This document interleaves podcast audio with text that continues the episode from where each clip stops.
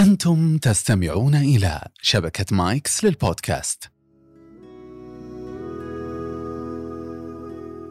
السلام عليكم. أهلا وسهلا بكم. اليوم نتحدث في تجربة مختلفة ومهارة مختلفة. مهارتنا إن شاء الله تعالى عن الاحترافية في بيئة العمل.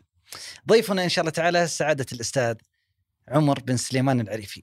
نقول مدرب نقول خبير وقاعد أسأله قبلها أقول كم مرة قدمت هذه الدورة؟ لأنه يقدم الدورة بعنوان الاحترافية في بيئة العمل فقاعد يقولها على سب... على سبيل يعني الطرفة يقول أكثر من ألف مرة. حياك الله أبو سليمان. الله يحييك أخوي ماجد جزاك الله خير سعيد جدا بوجودي معكم. الله يسعدك يا رب. خلينا نبدأ مباشرة في الاحترافية في بيئة العمل. يعني إيش كلمة احترافية؟ الاحترافية هي كلمة مهمة لكن مغفول عنها إلى حد كبير. لو فكرنا إيش سبب النجاح الوظيفي. الحين ممكن تجي تلقى موظفين ناجحين وموظفين فاشلين شخص قاعد يترقى وينجح ويمشي وينتقل من وظيفة الاحسن منها ممكن تلقى شخص لا العكس تماما. طيب ليش؟ شو السبب؟ شو اللي خلى هذا ينجح؟ وهذا يفشل بعد توفيق الله وتقديره اللي هو فوق كل شيء. فأنا حاب أسألك إذا تسمح لي أخوي. ماجد هل الذكاء هو سبب النجاح الوظيفي؟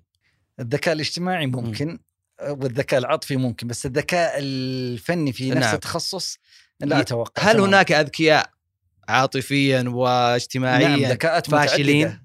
إيش؟ فاشلين وظيفيا هل هناك أذكياء فاشلين في الوظيفة. الطرفه العامه اللي دائما إيه. نسمعها يقول لك الأذكياء واللي يأخذون أو في كتاب اسمه.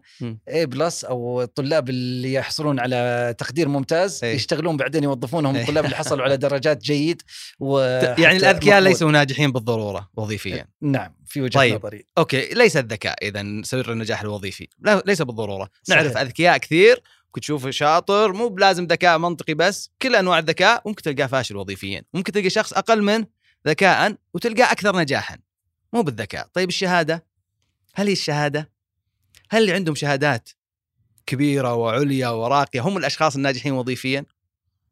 قد يكون وقد يكون. قد يكون وقد لا. اذا ليست شرط للشه... للنجاح الوظيفي. يعني ممكن تلقى أشخاص عندهم شهادات كبيرة فاشلين وظيفيا شخص ما عنده شهادة وعنده شهادة أقل بكثير وأكثر نجاحا. طيب إيش؟ المهارة؟ مو في أشخاص ماهرين جدا. حتى في صميم عملهم. وتلقاهم فاشلين؟ الإنتاجية. الإنتاجية يعني الإنتاجية نتيجة يعني ليست صفة في الشخص نفسه آه. يمكن يمكن ممكن تكون عادة لكن مثلا في كرة القدم مو بتلقى شخص ماهر جدا لاعب يطلع ممتاز مهارته عالية يتوقعون المستقبل كبير لكن فجأة تلقاه يقوم يسمن يغيب عن التدريب يقفل جواله وقت مباراة مهمة ومسافر بعد فترة تلقاه نزل نزل نزل نزل لين اختفى. طيب وين كانوا يقولون عنه ماهر جدا؟ عنده. القدرة العالية أن يكون لاعب عالمي ولاعب ممتاز ومع ذلك ما نجح وظيفيا. فعليا اللاعب ترى موظف بشكل أو بآخر. نعم. فعليا لما هنا يحتاج الاحترافية للاعب للموظف الغير. أحسنت. فعليا الكلمة اللي ممكن تشمل أشياء كثيرة واللي أنا أعتبرها سر النجاح الوظيفي بعد توفيق الله وتقديره اللي هو فوق كل شيء إحنا من باب الأخذ بالأسباب هي الاحترافية. خلينا بس نفهمها أكثر آه، أخوي عمر. الاحترافية لها مكونات كثيرة. أعطينا أبرز صحيح، مكونات صحيح. الاحترافية. لكن خليني أعطيك يعني فكرة عن الاحترافية كذا مدخل قبل ما ندخل في العميق طيب، شوي. تفضل. لما تروح لشركة أو سوبر ماركت أو شركة اتصالات يقدمون لك خدمة معينة وتطلع. لو قلت لك أو أنت قلت الشخص اللي خدمني هذا ذكي. لما تقول ذكي أنا فهمت إنه ذكي معناته لا لمح شيء لاحظ شيء ذكي. يمكن ما أخدمك ترى ما ندري. يمكن تخانق معك بس إنه ذكي. طيب لو قلت لي بعد ما طلعت الشخص اللي خدمني هذا مؤدب. الله. أنا راح أعرف إنه مؤدب وعاملك زين. هل هو خدمك؟ ممكن يمكن وممكن. يمكن لا. هل هو تصرف التصرف المناسب؟ يمكن يمكن لا. لكنه مؤدب. لو قلت لي فاهم نفس الشيء تمسك جزئية معينة. لكن لو بعد ما تطلع من ال ال- الشركة هذه أو الجهة هذه قلت لي يا أخي الموظف اللي خدمني محترف. مجرد إنك قلت لي محترف يعني بروفيشنال أنا فهمت إن عاملك زين وإنه فهم مشكلتك. وإنه حل مشكلتك وقدم لك اللي أنت تبغاه ومؤدب. وذكي. و يعني مجموعة كبيرة من الصفات ليس بالضرورة ذكي لكنه فاهم في عمله. مجموعة كبيرة من الصفات تشملها كلمة محترف. محترف هو الشخص اللي بعد ما تط- تطلع من الخدمة من عندهم تكون مبسوط وتحترم هذه الشركة وهذا النظام وهذا السيستم ودائما العميل بيكون راضي. فهذه فكرة الاحترافية. لكن إذا سألنا إيش صفات الموظف المحترف. صفات الموظف المحترف. أنا بالنسبة لي وأنا أقدم دورات في الاحترافية الشخصية في العمل أعتبر الموظف المحترف هو أفضل موظف في العالم. يا سلام. فلو سألنا ما هي صفات أفضل موظف يمكن أن تختاره؟ تخيل إنك تبغى توظف لك واحد وعندك استعداد تعطيه الراتب اللي يبغاه وعندك القدرة لكن أنت قاعد تفكر إيش صفات هذا الموظف؟ إيش تبغى يكون مثلا؟ والله كثيرة. قول. دلع نفسك عبر. والله الموظف أبغى يكون عنده آه، حس المسؤولية. يا سلام. فاهم في صميم العمل اللي يا نبغاه. سلام. أبغى قبل شيء أنا قلت الإنتاجية وما زلت مصر عليها أبغى في ممتاز. الأخير نتيجة. ممتاز. عنده عالي. القيادة القيادة يدير فريق القيادة. العمل. يا سلام. آه وش كمان؟ الأخلاق زينة. قدرة على اتخاذ القرار. يا سلام ما شاء الله عليك. قاعد أساعدك. كل هذه تبغاها في خلصنا الموظف؟ الحلقة؟ نعم خلصنا. كل هذه المواصفات تبغاها في الموظف هذا هل في موظف تجمع يجمع فيه كل الصفات دي؟ لا بس يعني أكثرها خلينا نقول. يمكن. هل هذا الموظف لو اجتمعت فيه هذه الصفات كلها هل تعتبره أفضل موظف في العالم؟ قد يكون يعني في ما يناسب العمل هذا. يا سلام أحسنت. فيما يناسب العمل. ما في فعليا صفات توافق كل الوظائف. وهذا ياخذنا للصفتين الرئيسية للموظف المحترف. اللي أنت ذكرتها ما شاء الله لكن ذكرتها آه، يعني في صفتين أشمل منها تندرج هذه تحتها. هذه الصفتين إذا هي عندك وإذا هي عندي وعند أحد ثاني هذا أنا أعتبره أفضل موظف في العالم. إيش الصفتين هذه؟ ناخذها من القرآن. في قوله تعالى إن خير من استأجرت القوي الأمين. القوي الأمين. أحسنت. قوة القوة, والأمانة. القوة والأمانة. يا سلام. القوة والأمانة هي الصفتين الرئيسية للموظف المحترف. أي شخص قوي وأمين هذا أفضل واحد ممكن إنك توظفه كما ورد في القرآن وهذا الشخص هو الموظف المحترف. إيش مكونات القوة؟ أحسنت. إيش معنى القوة؟ هل القوة هي قوة العضلات؟ بالضرورة. أكيد لا. لا. طيب مفهوم قوه الشخصية؟ قوة الشخصية؟ ممكن. قد تكون. مم. واحدة منها ولكنها ليست ليست كل القوة. طيب معرفة اللغات؟ هل هي من قوة القوة؟ قوة المهارات. قوة بودكاست المهارات. بوزكات بوزكات مهارات. فعليا القوة ما في أحد قوي مطلقا في كل شيء. يعني أنا لما سأسأل دائما أقول هل قوة العضلات هي القوة المقصود هنا؟ يقولون لا. أقول طيب لو الوظيفة وظيفة ملاكم. قوة العضلات مطلوبة. مسكين لا. توظفونه نحيف ما عنده عضلات ويتصفق بالملاكمة. لازم يكون عنده قوة عضلات. فالقوة ما هي مطلقة حسب إيش العمل. فالقوة هي القدرة على أداء العمل. تشمل اللي تفضلت فيه المهارات وال- والنقاط اللي ذكرتها كلها. هي تشملها لكن لازم ربطها بالعمل. العمل يحتاجها ولا لا؟ عشان أعرف أنا قوي ولا لا أو فلان قوي ولا لا لازم أسأل نفسي إيش الوظيفة اللي أنا بقيس نفسي عليها؟ أو فلان يبوني في أي وظيفة؟ يعني لو سألتني قلت والله إيش رأيك في واحد أنا أعرفه زين؟ وسألتني أنت قلت أبغى اوظفه عندي وش رأيك؟ قوي؟ المفروض قبل ما أقول لك إيه ولا لا. إيش الوظيفة؟ أو إيش الوظيفة؟ بتوظفه ملاكم؟ يمكن. بتوظفه سائق بتوظفه مبرمج؟ لازم أعرف الوظيفة عشان أحكم آه، إيش القوة اللي يتطلبها عمل آه، هذا العمل وبالتالي هل هي موجودة عنده ولا لا. تمام؟ فلو أنا فرضنا أنا أبغى أعرف أنا قوي ولا لا أو أنت أنا أدري إنك قوي ما شاء الله تبارك الله في مجالك الله يعطيك العافية. لازم أفكر إيش أنا عملي؟ عملي مدرب مثلا. إيش القوة التي يتطلبها عمل المدرب؟ إذا ممكن تساعدني وأنت ما شاء الله خبير في التدريب. إيش القوة التي يتطلبها عمل المدرب؟ كذا يعني بشكل عشوائي ثنتين ثلاث. المعلومات والمحتوى معرفة المحتوى، أحسنت. أن يكون متحدث جيد متحدث التواصل مهارات التواصل كلها يا يعني. سلام أحسنت, أحسنت. آه أيضا فهم الآخرين يا الجمهور سلام يا سلام. هذه القوة.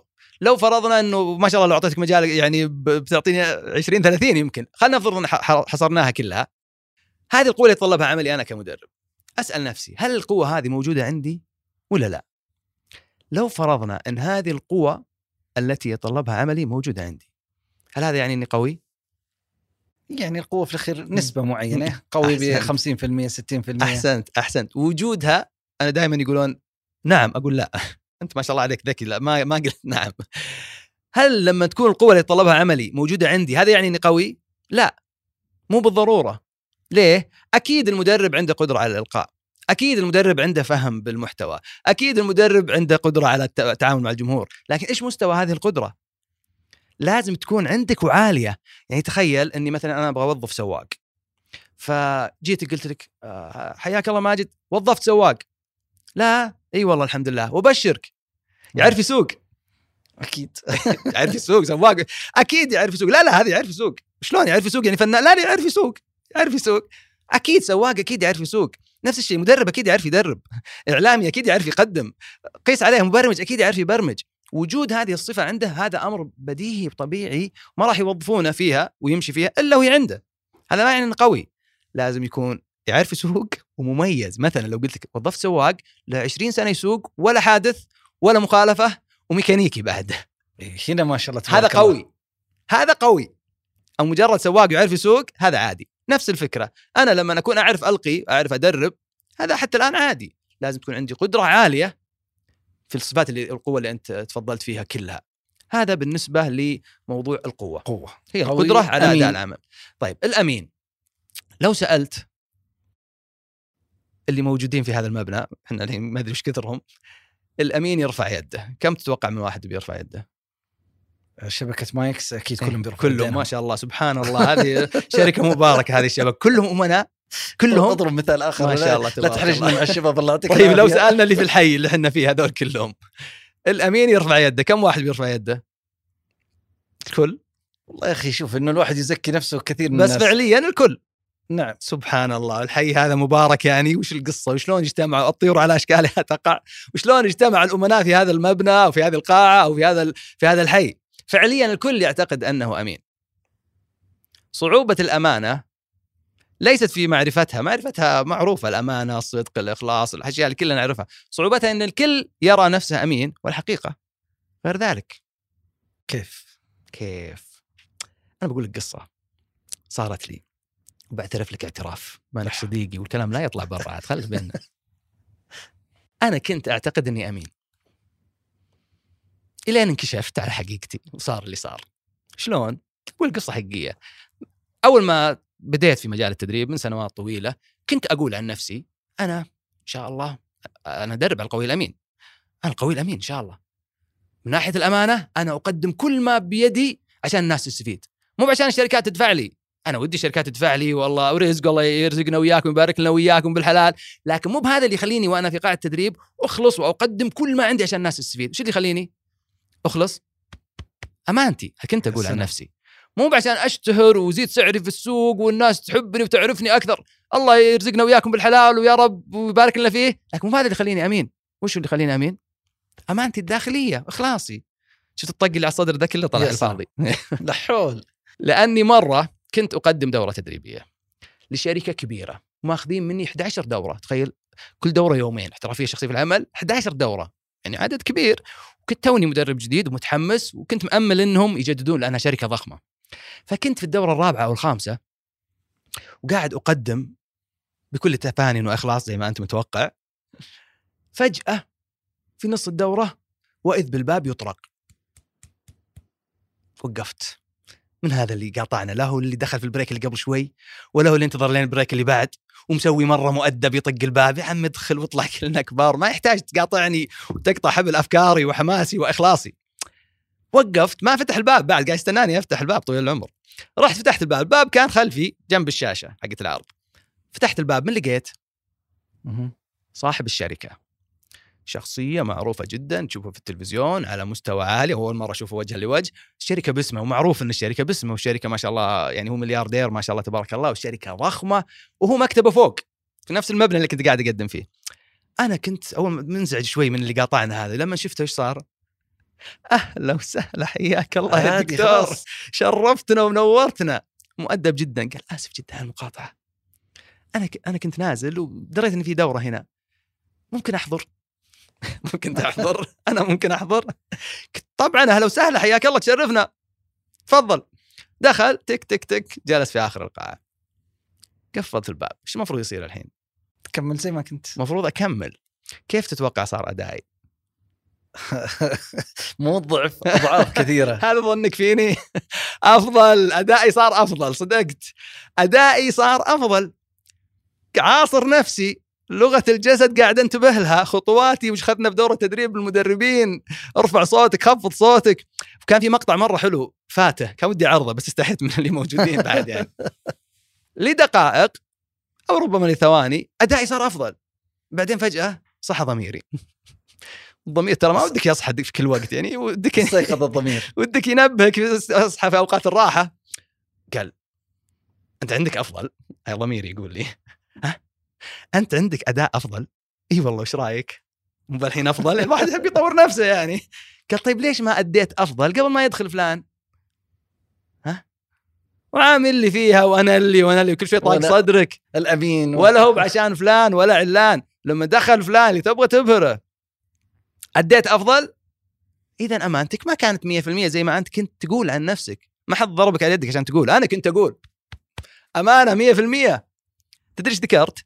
ذكرت قصة يمكن كثير منا واجهها في المدرسة في الابتدائي لما يجي الموجه يراقب على أحد المعلمين. المعلمين.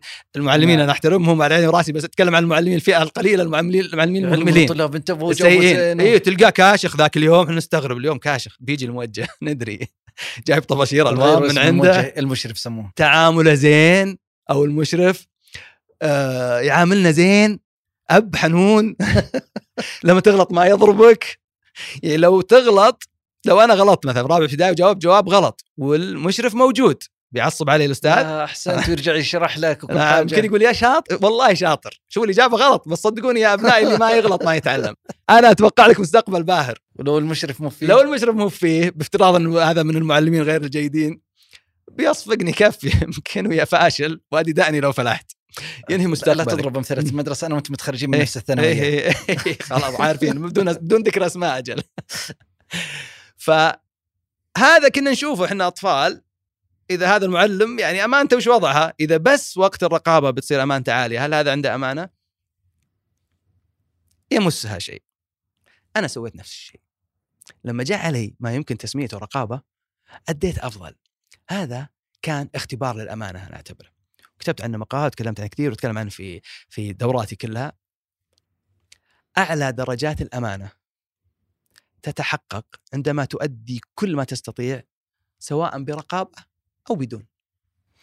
بس أخوي عمر خلينا نخف على أنفسنا شويتين الواحد يحاول طبيعة النفس البشرية بعض الأحيان يكون في على درجاتها بعض الأحيان تنزل شوي بعض الأحيان ويحاول الواحد يجتهد لن يكون في حل صح. آه، واحدة صح فخليني أدخل إلى جانب آخر مهم اللي هو المسؤولية لأنها أيضا تتقاطع مع هذه الثنتين بدرجة نعم، كبيرة. نعم. صحيح. كيف أكون مسؤول بالإضافة إلى القوة والأمانة؟ أحسنت بس إذا تسمح لي برجع لجزئية الامانه التعليق اللي أنت قلته. نعم صحيح. الحقيقة مو إنه دا يعني ما أنا ما أقول خليك 100% دائما لن تستطيع أن تكون 100% دائما يجب أن نعي هذه الحقيقة. تبغى تصير أمين 100% ما تقدر. أنت بشر ما أنت ملاك. لكن خليك واعي لنقصك. عشان تعدله. المشكلة وين تقع؟ هل يرفعون يدينهم إذا قلنا الأمين يرفع يده؟ اللي يقول أنا 100% دائما وهو مو 100% يعني اعترف بنقصك. التجربة هذه اللي صارت لي خلتني أتعلم عن الأمانة صفات م... يعني آه معلومات مهمة. أول شيء أنا كنت مبالغ. كنت أقدس نفسي ك- أستغفر الله يعني أعتبر نفسي ما أغلط؟ لا. 100% ما في 100% بشر. أكيد. أنت بشر. تضعف. ثاني شيء الأمانة تذبذبة. تزيد وتنقص. الإيمان يزيد وينقص. فإذا انتبهت لها واعترفت بها راح تقدر ترفعها. إذا أنكرتها راح تنزل من دون ما تحس. فأنا إيش صرت أسوي في الدورات التدريبية؟ كل ما حسيت إني نزل أدائي ينزل. ما أقول لك إني 100% أنا الحين لو الامير ارفع يدي يمكن ما ارفع يدي. ليه؟ وعيت للنقطة ذي. طيب وإذا إذا شرط نزل- نزل؟ وانتبهت له حينزل بدون ما أنتبه. وأنا يعني كذا ماني مركز فيه. إذا نزل وانتبهت له كيف أرفعه؟ أسوي خدعة معينة لنفسي. هذا شيء خاص فيني يعني. أتخيل أن الباب يطرق ويدخل شخص يهمني أمره وأحاول أبهره. يرتفع أدائي. لكن فعليا علينا رقابة إحنا. من اللي أهم من فلان وعلان ومن الأمير ومن الوزير. من الله سبحانه وتعالى.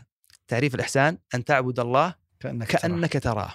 فإن لم تكن تراه فإنه يراك. استشعار رقابة الله سبحانه وتعالى ترفع ترفع من أدائك وترفع من إخلاصك. المهم عندي أن نعترف بنقصنا حتى نعمل عليه.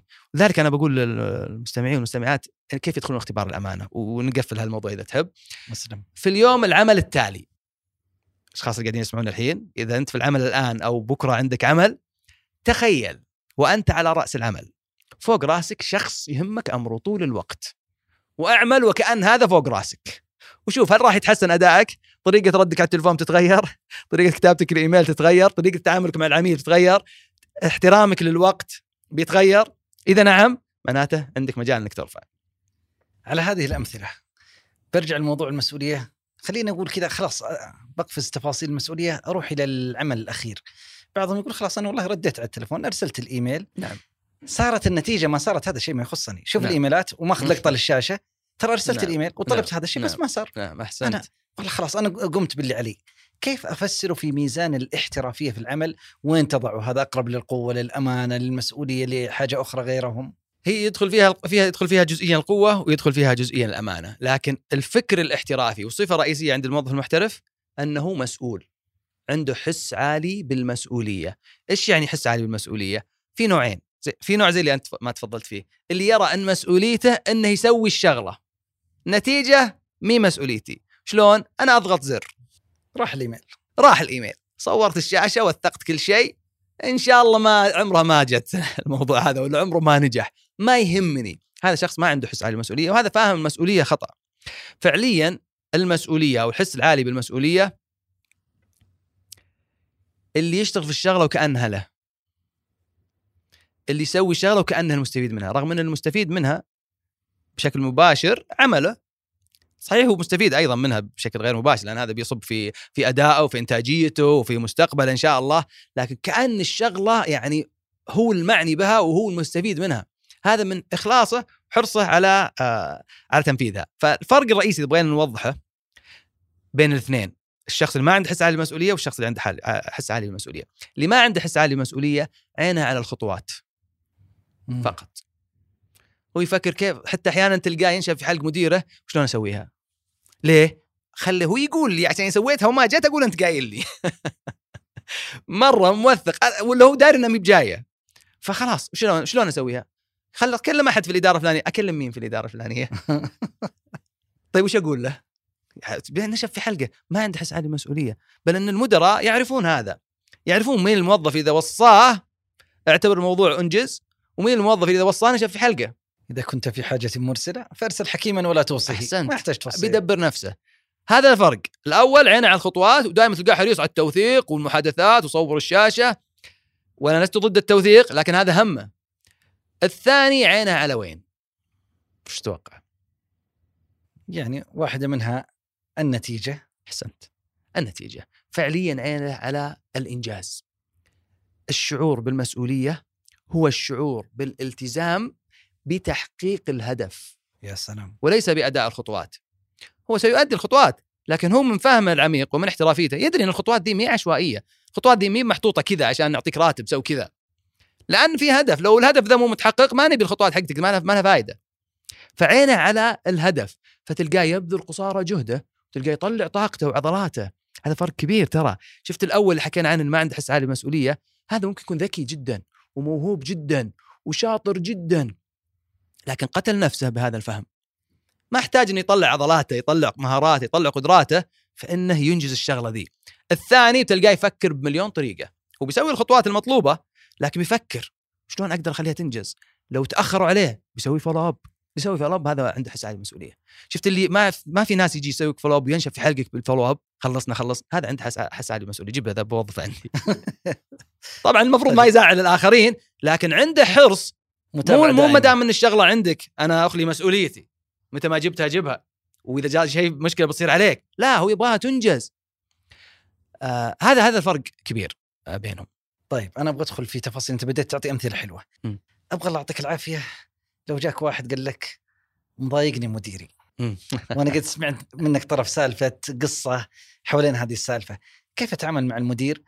وكيف أسوي معه؟ إيش الاحترافية فيها؟ أحسنت أحسنت. وهذا نقطة جدا جميلة. وفعلا فيه واحد مرة أرسل لي في سناب شات قال أنا متضايق جدا جدا من مديري وبقدم استقالتي الحين.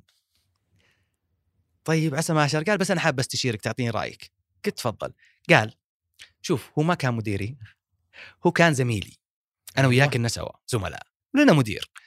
مشى مديرنا شغل منصب المدير. أنا هو يقول أفضل من هذا الزميل أحسن منه فاهم في الشغل أكثر منه. المفروض يحطون مين مدير؟ حطوني أنا عشان إيه، أنا إيه، أنا ما. قلت مين أنا مالي دخل الموضوع. هي واضحة بس ما حبيت أزود عليه يعني الضغط. قلت مين؟ قال المفروض يحطوني أنا. أيوه قال حطوه هو. حطوا زميلي اللي ما يفهم مديري. مي مشكلة لكن مشكلة إنه ما يفهم. فقاعد يتخذ قرارات خطأ. ضر الشغل. أنا الحين متضايق وش هالمدير اللي ما يفهم؟ وبقدم استقالتي. وش رأيك أنا أعطيته مجموعة من النصائح اللي أنا أعتبرها نصائح احترافية تنطبق على لما يكون شخص متضايق من مديره وتنطبق على مشاكل العمل هي نصائح عامة يعني دحين اي واحد متضايق من المدير يسمع هالنصائح زين يركز يطبقها يطبق هذه وإن شاء الله ان اموره زينة وبتريحه نفسيا وبيكون أكثر احترافية في التعامل مع المشاكل. أول شيء تصرف باحترافية. هذه مشكلة عمل، مشكلة احترافية تصرف فيها باحترافية. لما قلت تصرف باحترافية يعني لا تتصرف ب عاطفيا أحسنت بتسرع لا تتصرف بتسرع نعم. آه بفوضوية لا تكون ردة فعل. تصرف باحترافية. مشكلة عمل. ترى طبيعي ان يصير في مشاكل في العمل. ما في بيئة عمل كاملة ما في إنسان كامل ما في أسرة ما في زوجين ما بينهم مشاكل. طبيعي هذا أمر طبيعي. نتقبل وجوده. نتمنى إنه ما يصير بس يصير. تقبل وجوده عشان نعرف نتعامل معه. فهذه مشكلة مشكلة عمل. احترافية تصرف فيها باحترافية وليس بتسرع ولا بعاطفيه النقطة الثانية المحترف يحترم الصلاحيات. أنت في منظومة مرسومة بشكل معين وحاطين لك أنت وصف وظيفي وصلاحيات معينة. مديرك له صلاحيات تختلف عن صلاحياتك ما يصلح تدخل عليها. ليه؟ عشان تدور العجله وتمشي بغض النظر. مين اللي يجي في هالمنصب أي واحد يجي في هالمنصب له الصلاحية. لازم لما صاحب الصلاحية يتخذ قرار أنت تحترم هذا الشيء. فمو بأنت اللي تحدد مين مديرك. في القصة اللي قالها ذا قال المفروض يحطوني أنا حطوه هو. مين اللي المفروض يعين المدير؟ اللي هو مدير المدير. شاف إن هذا أنسب من صلاحياته. مو بنت ما في أحد يحدد مديره مين؟ يعين مدير أو يرقي نفسه ويحط نفسه مدير. فلما صاحب الصلاحية يتخذ قرار احترم هذا القرار. هو مسؤول عنه. أمام مديره المباشر وأمام الله سبحانه وتعالى. بلفظ آخر مو شغلك ترى مين المدير. شغل ناس ثانية هذا همها وهذا رزقها وهذا حسابها. فلا تزعل من اتخاذ قرار في صلاحيات. باحترافية الثانية. أه، احترم الصلاحيات. احترم الصلاحيات. الثالثه الثالثة لما الموظ... المدير اللي حس... بفترض صدق أنه تحليله صحيح ونظرته صحيحة. إنه مو فاهم. هي وجهة نظر هي. إن مديرك مو فاهم لما يتخذ قرار خطأ. أنا أحترم الصلاحيات. ومديري قال قرار خطأ. قال نزلوا المنتج الفلاني. وأنا أشوف المنتج الفلاني مليان في السوق ومفروض ما ننزله. وأنا عندي خبرة أكثر منه. شو أسوي؟ أنا أحترم الصلاحيات. أنزل المنتج زي ما قال. ولا ما أنزله؟ هذه تأتي النصيحة اللي بعدها. اعترض باحترافية. كيف باحترافية؟ بين وجهة نظرك عن قراره لكن باحترافية. لما أقول باحترافية وش يعني؟ يعني بمكان المناسب بالاسلوب المناسب. لاحظ إنك قاعد تتدخل في شغله الآن. مم. هو اللي يحدد وش المنتجات اللي ينزلها مثلا. فممكن تقول له على انفراد. يا أستاذ فلان ولا يا أبو فلان أنا عندي ملاحظة على القرار الفلاني إذا تحب أقول لك. على انفراد لو قدام مديره ولا قدام أحد يمكن ما يتقبل منك. أو هذا ليست نصيحة احترافية. غالبا بيقول تفضل. والله أنا أشوف ما ننزل المنتج الفلاني لأن نزلناه قبل ثلاث سنين وصار كذا لأن السوق فيه كذا. أنت وشطارتك في الإقناع؟ عاد هو أخذ بها. خير وبركة. ما أخذ بها. تنزل له اي منتج؟ خلاص أسمع تطيعه. ولا لا؟ نعم. هذه الخطوة اللي بعدها. تنفذ اداريا يعني. ادعم القرارات المتخذة. خلاص. ما ينفع إنك لما صاحب الصلاحية اتخذ قرار في صلاحياته وأنت تنفذ قرار ثاني أنت قاعد تخالف الآن. طبعا أتكلمك عن شخص اتخذ قرار في صلاحياته. يعني العمل يتيح له هذا. ما أتكلمك عن لا سمح الله فساد ولا شيء لا لو أمرك لا سمح الله بفساد أو بشيء لا لا لا. تطيعه. لا تنفذ اي لا نتكلم ولا- عن صلاحياته. وهذا من صلاحياته إنه يأمر بالأمر الفلاني ويطاع فيه. أصلا السلطة اللي لدى الإنسان معناها أن يؤمر ويطاع في المجال هذا. يعني له الحق أن يأمر في الشيء الفلاني ويطاع فيه ينفذ توقيعه يمشي. لو وقع ومفروض يمشي توقيع وما مشاه موظف ثاني خير إن شاء الله أنت قاعد تسوي شغلك.